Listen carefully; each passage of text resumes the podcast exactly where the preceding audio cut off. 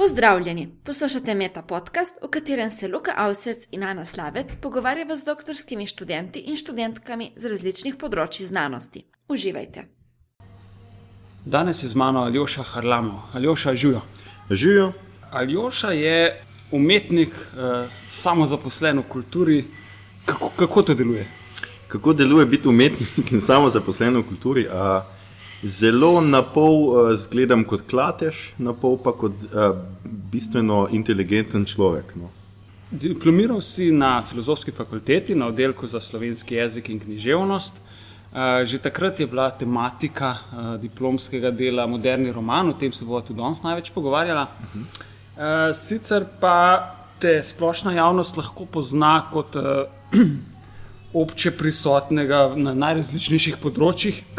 Recimo na Twitterju si eh, strasten navijač. Ja, to je res. Ja. Tam, tam malo kulturnike, v bistvu, ker imam največ prijateljev, vseeno med kulturniki in a, kolegi, a, literarnimi, literarni pisatelji in podobno. Tisto, kar sovražijo, je, to priznam, ampak jaz Twitter res zlorabljam predvsem za navijaštvo, za nogomet, za šport. Ja, ta eksistencializem, ne, Barcelona, Real, ta vprašanja. Ja, ja, to, kar načenjaš. to so kar uh, romaneskna vprašanja. Ja. Eh, Poleg tega si kolumnist, recimo eh, reden kolumnist v reviji Gracija, v večeru imaš zdaj kolumno. V... Uh -huh. Kako pišeš te svoje kolumne? Prej si mi nekaj razlagal, hodim s psom okoli, kako je to.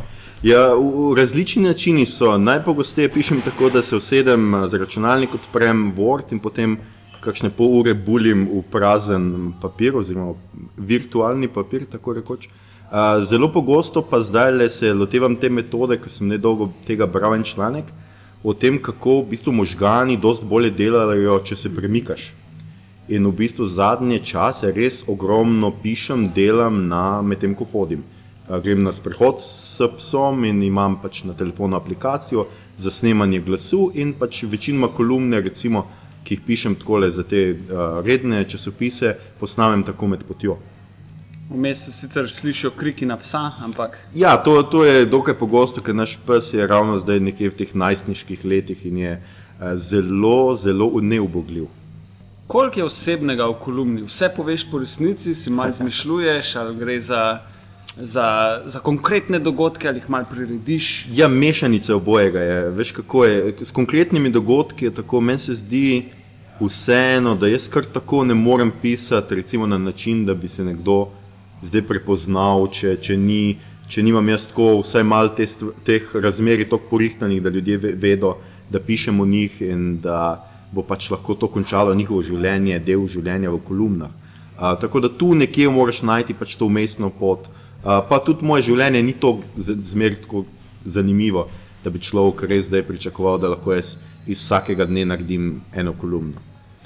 Ta frekvenca je kar ubijalska. Ne? Kako ti znese vsakič biti ustvarjalen, vsakič uh, zadeti tisto uh, zanimivost, duhovitost, uh, informativnost kolumne. Treba je biti kar discipliniran in sicer tako, da vsaj kak par dni preden začneš pisati, razmišljaš o temi. Včasih dobiš temo, pri večeru recimo dobiva temo za normo bale, s katero piševa skupaj, ona z ženskega vidika, jaz z moškega in dobiva pač napisano temo že kak mesec prej in je treba o njej intenzivno razmisliti, ker a, če se samo usedeš za računalnik in začneš pisati, navadno ni nič, čeprav se tudi včasih takrat zgodi kar kakšna fenomenalna stvar. No. Imaš uh, tako dnevno rutino, kako se lotevaš pisanja, kot včasih beremo o kakšnih uh, znanih avtorjih. Pišejo, ne vem, Stephen King, 5000 znakov pred kosilom ali kaj takega. Imaš kaj podobnega? Uh, to, to niti ne, pač pišem zato, ker dobro, Stephen King, mislim, da vse ima toliko denarja in to, da tudi če kdaj ne napiše toliko znakov, bo čisto ok. Uh, jaz jih moram včasih tudi več na dan napisati. In um, tako da je precej je prokrastinacija, tako kot se temu zdaj stujko reče, ker res, res ne najdem boljše besede v slovenščini ta trenutek. In veliko je pač nekega res discipline dela, da se usedeš za računalnik in se preprosto prisiliš, da ne spremljaš Twitterja, Facebooka in vseh ostalo in pišeš. Uh, veliko pišeš tudi o literaturi, pravzaprav največ. Uh, tudi uh, ogromno bereš in ogromno kritiziraš. Ne? Eh, literarna kritika je nekaj, za kar si bil tudi nagrajen. 2014 si dobil Striterjevo nagrado ne, za mlado kritiško pero, čestitke. Hvala. Uh, Mal pokomentiraj svojo kritiško pot. Krit, kritik sem tisto, kar sem primarno jaz. Bom rekel, od vseh teh mojih, pač vse pišem kolumne, esejistiko in vse ostalo, ampak jaz sem primarno literarni kritik. Me literatura pač zanima na ta način, zelo rad pač povem svoje mnenje o tem, kar preberem in pač zato uživam v literarni kritiki. Uh, sem pa prišel do nje po čistem naključju, ker v bistvu je moja profesorica in zdaj moja mentorica, Aloizija Zupan Sosič, je nekoč iskala mlade mlada Peresa, ki bi ustvarjala za revijo Mentor po navodilih uh, takratne uredice, urednice Dragice Breskvar. In uh, je predlagala mene, ker sem napisal en, uh, eno dobro seminarsko, in od takrat sem v bistvu začel sodelovati z revijo Mentor. In nekako sem se naš, našel v tem in res odkril, da je to nekaj, kar me blazno zanima, o čemer sem tudi, vsaj jaz mislim, tako dober in uh, pač zakaj ne bi tega počel za življenje. Zdravijo mentor, zdaj še vedno sodeluješ, pravzaprav si tam urednik. Uh -huh. Tako je, zdaj sem prevzel glavno uredništvo tam. Ja. Čestitamo. Ja. to je zanimiva revija za vse tiste, ki jo ne poznate. O, v njej objavljajo mladi literati, e, so razni članki, o, kritike, o, opisi novih izdaj in uh -huh. kakšne take stvari. Ja, predvsem trudimo se pokriti čim splošni spektr kulture. Tako da trenutno objavljamo recimo tudi portrete mladih eh, plesalcev, mladih slikarjev oziroma likovnih umetnikov. Um, tudi eh, zanimivost recimo revije Mentor je to, zaradi tega tudi najraje objavljamo mlade, ker uh, vsako objavo nekega literarnega dela ali poezije ali kratke zgodbe uredniški pač odbor komentira. Se pravi, imaš zmeraj tudi neko kritiko, zakaj smo to objavili, kaj je dobro, kaj se še da popraviti. In to je pač neko glavna naloga revije Mentor, ker vseeno naš del ni samo objavljati stvari, ki nam jih ljudje pošiljajo, ampak tudi mentorirati mlade umetnike. Si pa tudi član uredništva uh, RB Litrine. Uh -huh. uh, to je spletni portal za literaturo in kulturo. Ja, uh, Tam je pa čist druga specifika. Tam, pa, tam imam eno mlado ekipo, Manco Renko, Matjaža Jurena in Katja Perat, ki so tako mlajši od mene, da me zmer presenečajo z nekimi novimi stvarmi in se tam res.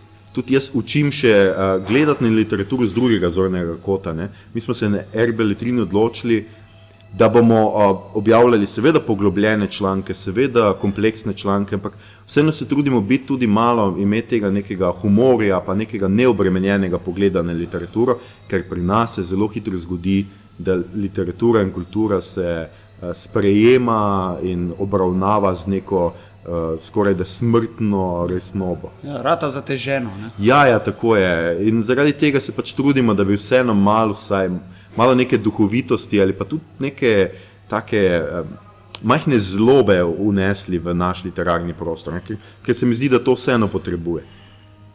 Poleg Twitteraša, kolumnista in kritika te poznamo kot pisatelja. Uh, objavil si roman Bildungsroman.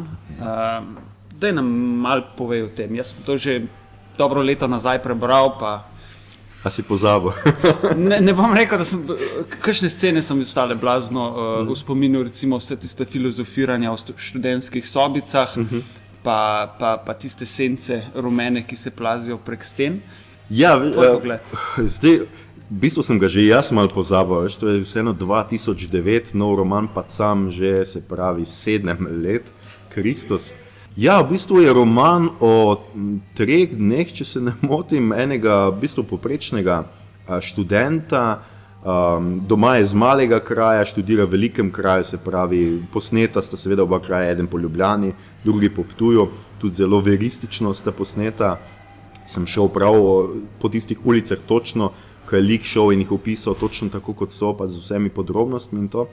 In uh, samo to, neko življenje, v tri, tri dnevi v življenju mladega junaka, v bistvu vsi ti pogovori, ki jih imajo študenti, pa ki so strašno revolucionarni, pa filozofski, potem pa prihod domov v neko družinsko okolje, kjer uh, vlada malo neke te tradicije, pa malo tega neke prizemljenega pogleda na svet. Jaz vseeno prihajam iz delovske družine, iz uh, proletarskega sorodstva, tako rekoč. In ta nek po eni strani kontrast, ampak po drugi strani pa ne ne nek črno-bel pogled, ne? ni da je samo tisto, kar je študentsko življenje, je pa zdaj idealno, tisti nek uh, v malem kraju, pa so neki zarukani kmetavzi. Ne? Ampak oboje ima neke svoje stvari, kateri se, s katerimi se lahko norčuješ, oboje ima nekatere stvari, ki so dobre, tople, lepe. Ko smo se dogovarjali za ta intervju, uh, sem rekel, da ja, pač, jaz zdaj uh, sem bolj uh, naravoslovni znanstvenik. Pa malo gika, ne? pa si ti tako rekel, pa se sem jaz tudi gik, se bo že ujela. E, malo to pokomentiraj. Um, ja, no, glej, zdaj ta kultura je se res, zdaj je to postala prava kultura. Jaz včasih uh, sem bil gik, pa niti nisem vedel, da sem. Um, Ja, obožujem vse stvari, ki so tipično geekovske, od znanstvene fantastike do nekih, zdaj trenutno so pač serije, to, to vem, da ti nisi tako najbolj navdušen na tem, ampak zdaj so serije, čist smo postali geeki na vse te serije. Je pa res, da imam en velik manjko, recimo ne maram Star Treka, to je pa. To je pa ena, ki je, ker me kolegi geeki včasih čudno gledajo, imam pa rad Star Wars. No, tako da tu nekje vmes, vmes sem drugače, pa obožujem tehnologijo, rad imam tudi naravoslovje, ne, to se mi zdi zelo pomembno pri. Uh, če hočeš biti nek intelektualec, imeti nek širok pogled na svet, da v bistvu ne zavračaš nekih stvari in da te zanimajo. Žal pač moje izkušnje iz eh, šol, šolanja je bila pač taka, da so mi naravoslovje malo priskutili, drugače pa obožujem eh, vso to teoretično fiziko, napeto sem spremljal dogajanje v CERN-u, dokler je to bilo pač zelo aktualno. Zdaj le slišim, da, nekaj, da, ni bilo, da vesolje sploh ni bilo velikega poka, neke nove teorije. To so pač stvari, ki me zanimajo, mogoče tudi od tega, ker sem kot otrok v osnovni šoli tekmoval v nekem kvizu v vesolju. Gremo na doktorat. Ne. V svojem uh, raziskovanju se, se ukvarjaš z modernim romanom. Um, definicija na začetku. Ja, uh, kako je uh, modernistični roman, pravzaprav moderni, modernistični, to so malo, uh, malo so zadrege, zato jaz raje govorim mogoče natančneje o modernističnem. Uh, definicija je zelo v bistvu preprosta. Po eni strani imamo uh, modernizirane pripovedne postopke, to bralci iz srednje šole poznajo kot recimo tehniko toka zavesti, pa kolažiranje, to, kar je Kosovel delal in podobno. Se pravi, oni so vzeli nek ta realizem, neke realistične besedila in pač neke nove pristope ufurali uh, not, ki so čisto zamajali. Uh, Eh, branje, tako da dan danes vemo, da recimo tok zavesti beremo, tako da skačemo od, od asociacije do asociacije, da včasih se kar eh, stavki zrušijo in so samo še posamezne besede in podobno. Po drugi strani pa kar se pač tudi jaz uvajam zdaj v slovenski literarni prostor, je pa tisto, kar je dela modernistični roman, modernistični je uh, nov subjekt, se pravi nov jaz, ki se pojavi v teh romanih.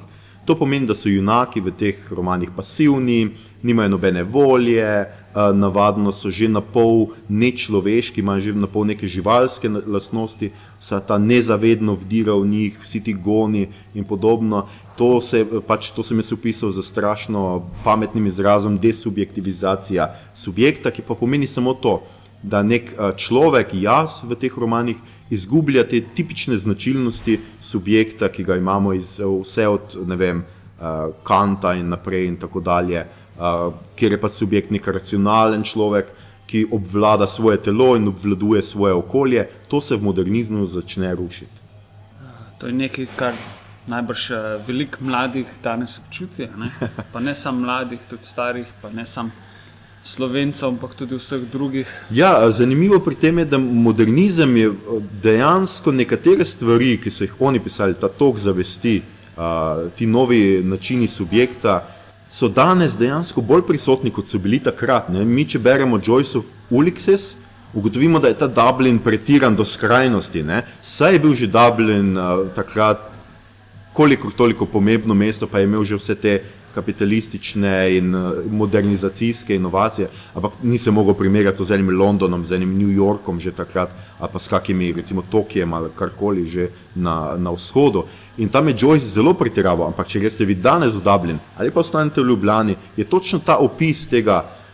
Človeka, ko se sprehaja skozi mesto, ker v njega butajo reklame, pa napisi, pa sliši onega človeka, ki se pogovarja po telefonu zraven njega, pa različni jeziki, vse to, mi se niti ne zavedamo, kako v bistvu je naš jaz, naša oseba, zelo krhka, kako dejansko v nas udirajo vsi ti, uh, ves ta svet udira v nas nenehoma. Modernizem je danes bolj aktualen kot v času svojega nastanka. Ja, uh, mislim, da je toliko bolj, ker nekatere stvari, uh, proti katerim se je modernizem, ne bom rekel, boril, ampak proti katerim je on zastavil svoje pero, se danes na veliko spet obnavljajo. Imamo ZDA, ki si predstavljajo, da uvažajo demokracijo nekim tam barbarskim vzhodnjakom, enako kot so v času kolonializma mislili, kako pomagajo Afričanom, pa tako naprej. In tudi danes, recimo, vsi verjamemo v nek napredek, neprestano se govori o napredku, če ne drugače, pa od iPhona 1 do iPhona 2, ljudje se postavljajo vrste in verjamejo, kako je drugi iPhone, nov iPhone, bo pa trikrat boljši od prejšnjega. In ta teorija napredka, vse vemo, to nas zdaj poganja v neke katastrofe, ekološke in druge. In na to je opozarjal modernizem že ob prelomu iz 19. v 20. stoletje. Kaj imamo zdaj v literaturi? Ta postmodernizem, malo mogoče nek izpet med klic ali kako? Um, ja, tu, pa, tu si pa zdaj zadev težko vprašanje. V bistvu se o tem vsi pogovarjamo, ta trenutek, ali pa vsi. No? Je, je kar pereča tema. Uh, moja mentorica uvaja izraz transrealizem, ker ni postmodernizem, je pri nas bil zelo kratek čas, pa ni se ni dost prijel, vse tisti pravi ameriški metafikcijski postmodernizem. Pri nas je bolj tako nekako realistične zgodbe, ampak z nekimi malimi razširitvami. Malo je iz modernizma, je malo subjekt zmeden, pa a, tako naprej. Malo iz postmodernizma so ti citati, nanašanje na pop kulturo, pa na drugo literaturo. Tako da je to neka umestna, a, umestna pozicija. Se pa zdaj pojavlja dost družbeno-kritične literature. To pa je nek fenomen, jaz mislim, da ta trenutek.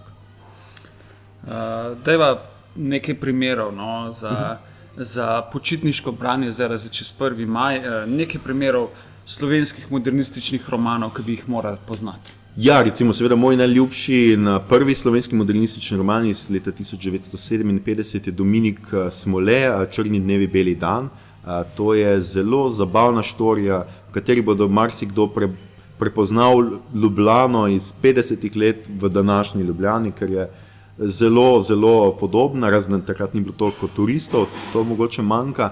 Uh, Vitomil Zupa, njegova dela, uh, potovanje na konec pomladi, imenuje za kitaro, to smo brali recimo tudi, tudi v gimnaziji. To je deloma modernistični uh, roman, kako on recimo vojno uh, opiše iz perspektive enega človeka, kako tiste hajke, ko se hodijo skozi te strašne gozdove, bežijo pred Nemci, kako se mu takrat dejansko zoži perspektiva in so samo stavki, ki so dolgi, mogoče eno besedo, hrib, grem, lezem, bežim in tako naprej. Vse to, ki se zgubi, ne veš več, nekje je, ne kako dolgo neka stvar traja, ki se preprosto to zgubi v neki utrujenosti, v nekem smrtnem strahu pred sovražnikom. Ta del je zelo uh, modernističen. Uh, To, drugače pa, da ne bom samo z moškimi, pa Ivanko Hergold, eh, nož jabolko, uh, to je žal, uh, to je bilo obdobje, ki je bilo zelo šovinistično in mačistično tudi v slovenski literaturi in so bile ženske precej odrinjene na, ob, na obrobje,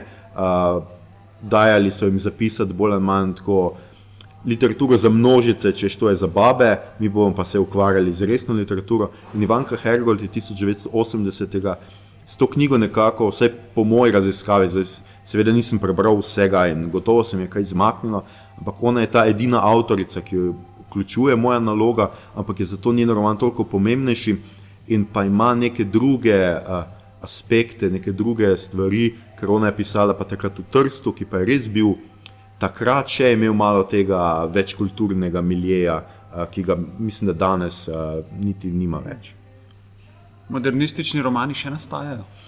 Ja, to je z, uh, spet eno tako zanimivo vprašanje, ker uh, se deli eni, pač, ki verjamejo, da je modernizem bolj neka ahistorična ideja, se pravi, tisti bodo rekli, da modernistični romani še zmeraj nastajajo. Jaz sem tu bi bil bolj previden.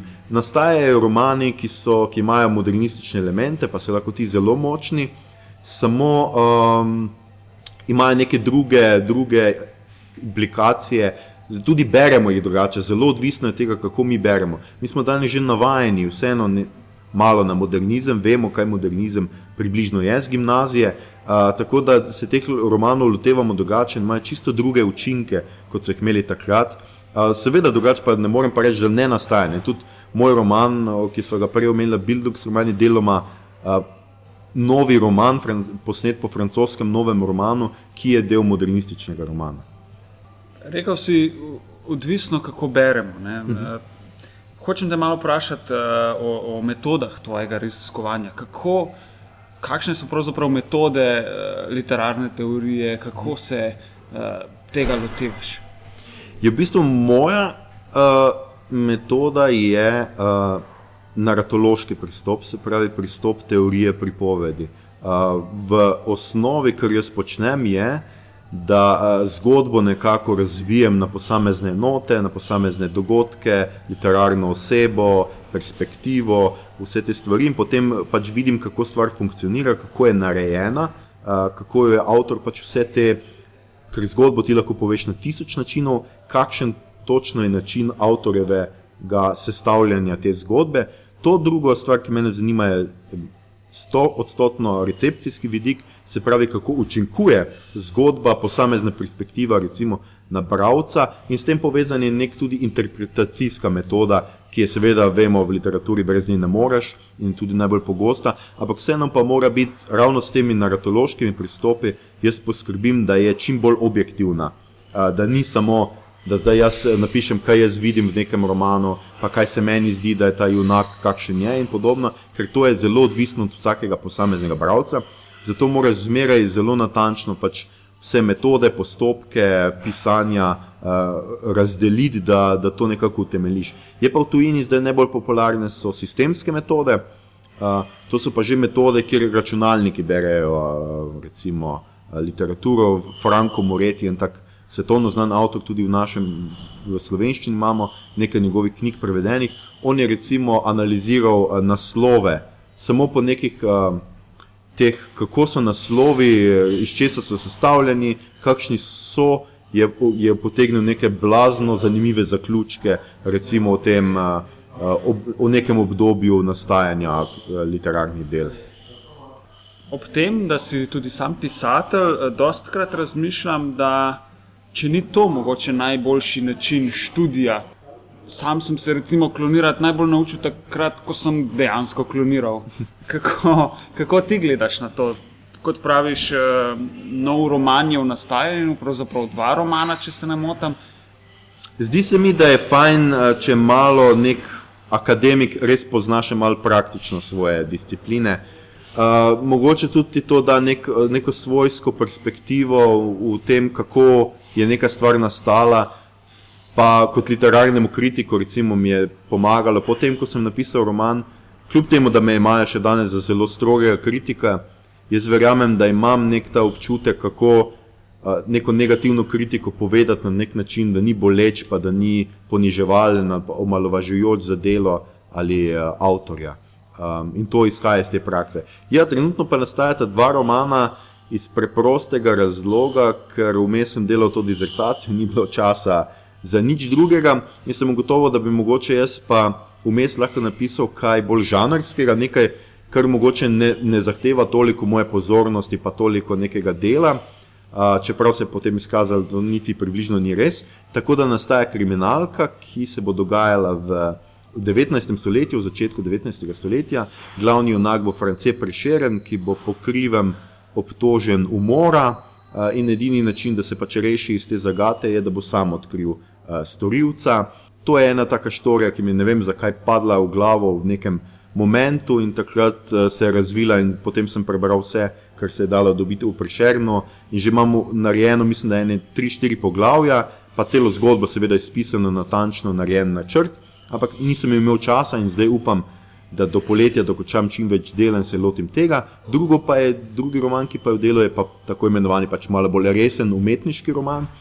Ta pa bo imel upraviti nekaj z, s smrtjo in z uh, načinom, kako je danes subjekt sestavljen uh, v 21. stoletju, ker me to tudi preko modernizma začelo izredno zanimati, pa ker sem nekaj teh nastavkov že pokazal v Bildungs romanu, ampak ta bo pa res zahteval verjetno še ogromno časa in dela, ker bi res rad, da drugi roman mora biti mojstrovina, tako zelo preprosto to je. Jaz zahtevam od sebe največ, zmeraj pri vsem delu in tudi pri tem. To bo naslednji eh, nominiranec za Kresnika. ja, najprej moram pobegniti iz žirije, mogoče bo pa pol res. Ja.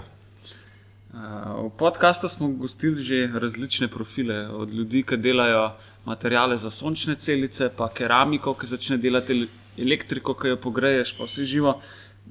Ti delaš romane. Spomnim se ob tem uh, Petra Božiča, enkrat sem ga videl na televiziji, ne, žal ne vem kontekst, ampak spomnim se, kaj je zaupil. Pa oni vendar delajo knauf, jaz pa delam romane.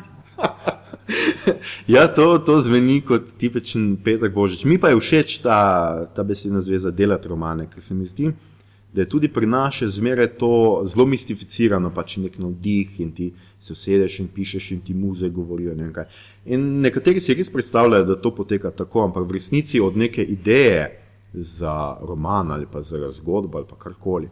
Pa do končnega produkta to zahteva ogromno discipline, ogromno dela, načrtovanja literarnega lika. Uh, jaz si naredim vse, napišem, imam zmeraj en zvezek, Za, ed, za prvi roman sem porabil 200 strani zvezka, uh, kamor si zapisujem razne stavke, ki so že vnaprej, za tri poglavje naprej, preden, kjer sem še jaz zadaj. Recimo, pa recimo literarni lik ti tako izpišeš, da ga res poznaš, do intimnih delov in tudi tistega, recimo, marsikaj ne napišeš potem v roman, ampak ti preprosto moraš vedeti, kako bo literarni enak se obnašal v nekem okolju, kako bo deloval v neki zgodbi. Pa čeprav to včasih recimo tudi preseneti, pa naredi nekaj, kar si ti nisi predstavljal, da bo naredil. No? Tudi, to, tudi to presenečenje, ta element mora biti v pisanju. Dejva za konec še teh par splošnih vprašanj, ki jih mhm. vprašam vsakega sogovornika. Prvo vprašanje je ponovadi, kaj bi bil, če ne bi bil znanstvenik. Eh, prej smo našteli že vsaj pet stvari, ki jih počneš. Še kaj drugega, kar smo mogoče zgrešili, kakšna alternativa v opisu na univerzo, ki si jo pozabil omeniti? Bilo je ogromno alternativ, zgodovina, psihologija, marsikaj. Mislim, da je najbolj realen odgovor, da ste v bistvu dva. Uh, od otroštva sem želel biti policaj. To je nekaj, kar me sicer kasneje zelo minilo, ampak s temi kriminalkami in kako ti raziskujejo umore, sem hotel to biti pač nek detektiv uh, in pa seveda fusbaler, bog ne daj. To, to sem želel biti od malega in še zdaj mi je, v bistvu imam samo eno obžalovanje v življenju in to je, da nikoli nisem se vsaj malo neki profesionalno ukvarjal z nogometom, ker mislim, da bi bil dober. Se pravi, policaj v svojih lastnih kriminalkah mhm. in fusbaler na Twitterju. ja, no zdaj pač nadomehčam. No, zdaj to so pač te neizpolnjene. Nimam otrok, pa ne morem v njih tega, teh svojih fantazij projicirati, zdaj pa pač imam Twitter. Če ne bi bilo nobenih umitev, koga bi povabil k sebi na večerjo? Um, ja, to sem intenzivno razmišljal o tem vprašanju. Uh, verjetno bi bil recimo Franka Moretija, sem prej omenil, ker se mi zdi tako zanimiv človek, ki ima nore ideje o tem, kakšna je literatura, pa kako deluje. Ampak z enimi stvarmi se jaz ne strinjam z njimi. Jaz imam rad take sogovornike. Ki, ki jih imam rad, pa ki jih spoštujem blazno, ampak vem, da nekatere stvari bi lahko popravili. Recimo njega, če pa je to neka pop oseba, bi pa bila to Jennifer Lawrence. To priznam, da malo sem pa zatreskan z njo, ker to je pa trenutno res en najbolj inteligentna igralka, kar jih je pa čeprav izbira filmov, se ji ne posreče zmeraj. No. Če bi imel milijon za poljubno raziskavo, kaj bi preučeval? Glede na to, da je to toliko denarja, ki ga skoraj da v literaturi težko zapravim, jaz bi raziskoval recimo z nekaterimi temi uh, raziskavami sodobnimi literarne teorije, ki poročujejo možgane, pa vpliv branja na možgane, kako se dejansko možgani odzivajo na posamezno zgodbo, na pripovedovalce in podobno. To bi me strašno zanimalo. Sloveniji, slovenščini pa dejansko manjka uh, teh nekih bazičnih priročnikov, kot so recimo Oxfordovi ali pa Cambridgeovi neki pregledi romantike, modernizma. Recimo. In če bi imel ta denar, bi vložil to v neke res kolaboracije znanstvenikov, ki bi poročevali recimo romantiko z zgodovinskega, sociološkega, pa z literarnih vidikov in to spravili res v neko obliko, ki bi bila človeku uh, priročna in uporabna. Kje se vidiš čez pet let, kaj boš delal čez 40 let? Ja, čez pet let, bolj ali manj na istem, želel bi si seveda kakšne bolj redne, redne zaposlitve. Pa zanima me seveda univerza, delo na, na faksu, kot vsakega, samo vemo, da je realna situacija je pač precej uh, nenaklonjena tem uh, idejam.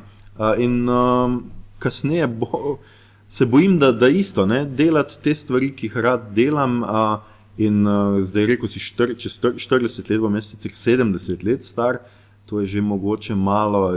Če bom takrat pol teh stvari uh, še lahko delal, bo jaz mislim, da super. Uh, nam lahko priporočiš kakšno knjigo, film, uh, serijo, uh -huh, no, uh, spletno stran, podcast.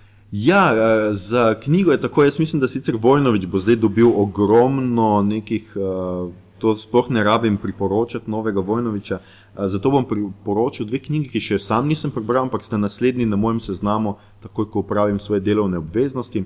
To sta Jedrt Maležič, njeni težko mentalci in pa Miklaš Komel, njegova nova pesniška zbirka Minima in Posibilija. To sta dve knjigi, ki se jo res, res veselim. Jedrt poznam pač iz kratkih zgodb, ki jih je objavila po revijah, tako da se pričakujemo te knjige res veliko, Miklaš Komel pa itak. Uh, uveljavljen uh, slovenski pesnik. Kar se tiče ostalih uh, serij, recimo ta trenutek se je znova začela Orphan Black. To je tako znanstveno fantastična, ima opravke tudi z kloniranjem, ker v njej nastopajo kloni. Ena igralka, ki je tudi ena briljantnih igralk, igra, mislim, da zdaj že osmo ali deveto vlogo, se pravi devet različnih sester, ker gre za nek skrivni vladni projekt uh, in pa neko sekto neolutionistov, ali kar že so, ki v bistvu skuča, skušajo updati človeka na naslednjo stopno evolucije. Tako da je res blazno zanimiva zadeva, zdaj mislim, da je že četrta sezona uh, zunaj.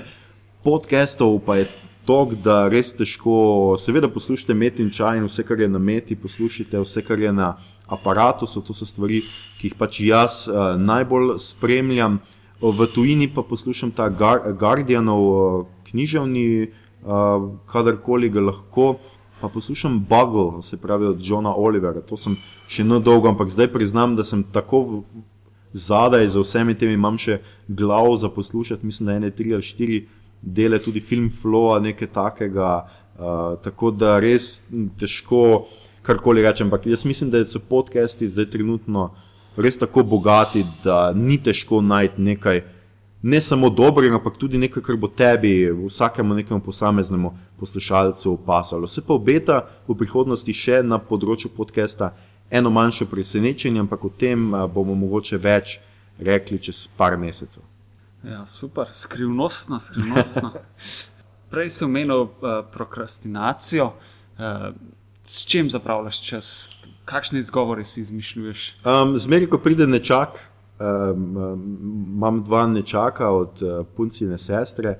Uh, takrat nekako je moja naloga, da, da jo zabavam, tako da igramo zunaj nogomet, ali pa starejšim igrava Pro Evolution Soccer na računalniku. Tako da to nekako mi preseka, zmeraj to moje delo in kar nekako ne morem reči ne, kar je malo tudi zato, ker imam rad, malo pa priznam, da tudi zaradi tega, ker včasih kakšno soboto pa res paše, da, da ne rabiš še sobote porabiti za delo. Pred časom smo brali tvojo kolumno o, o izgorelosti, o tem, kako, kako je vsega preveč. Um, čutim s tabo, definitivno.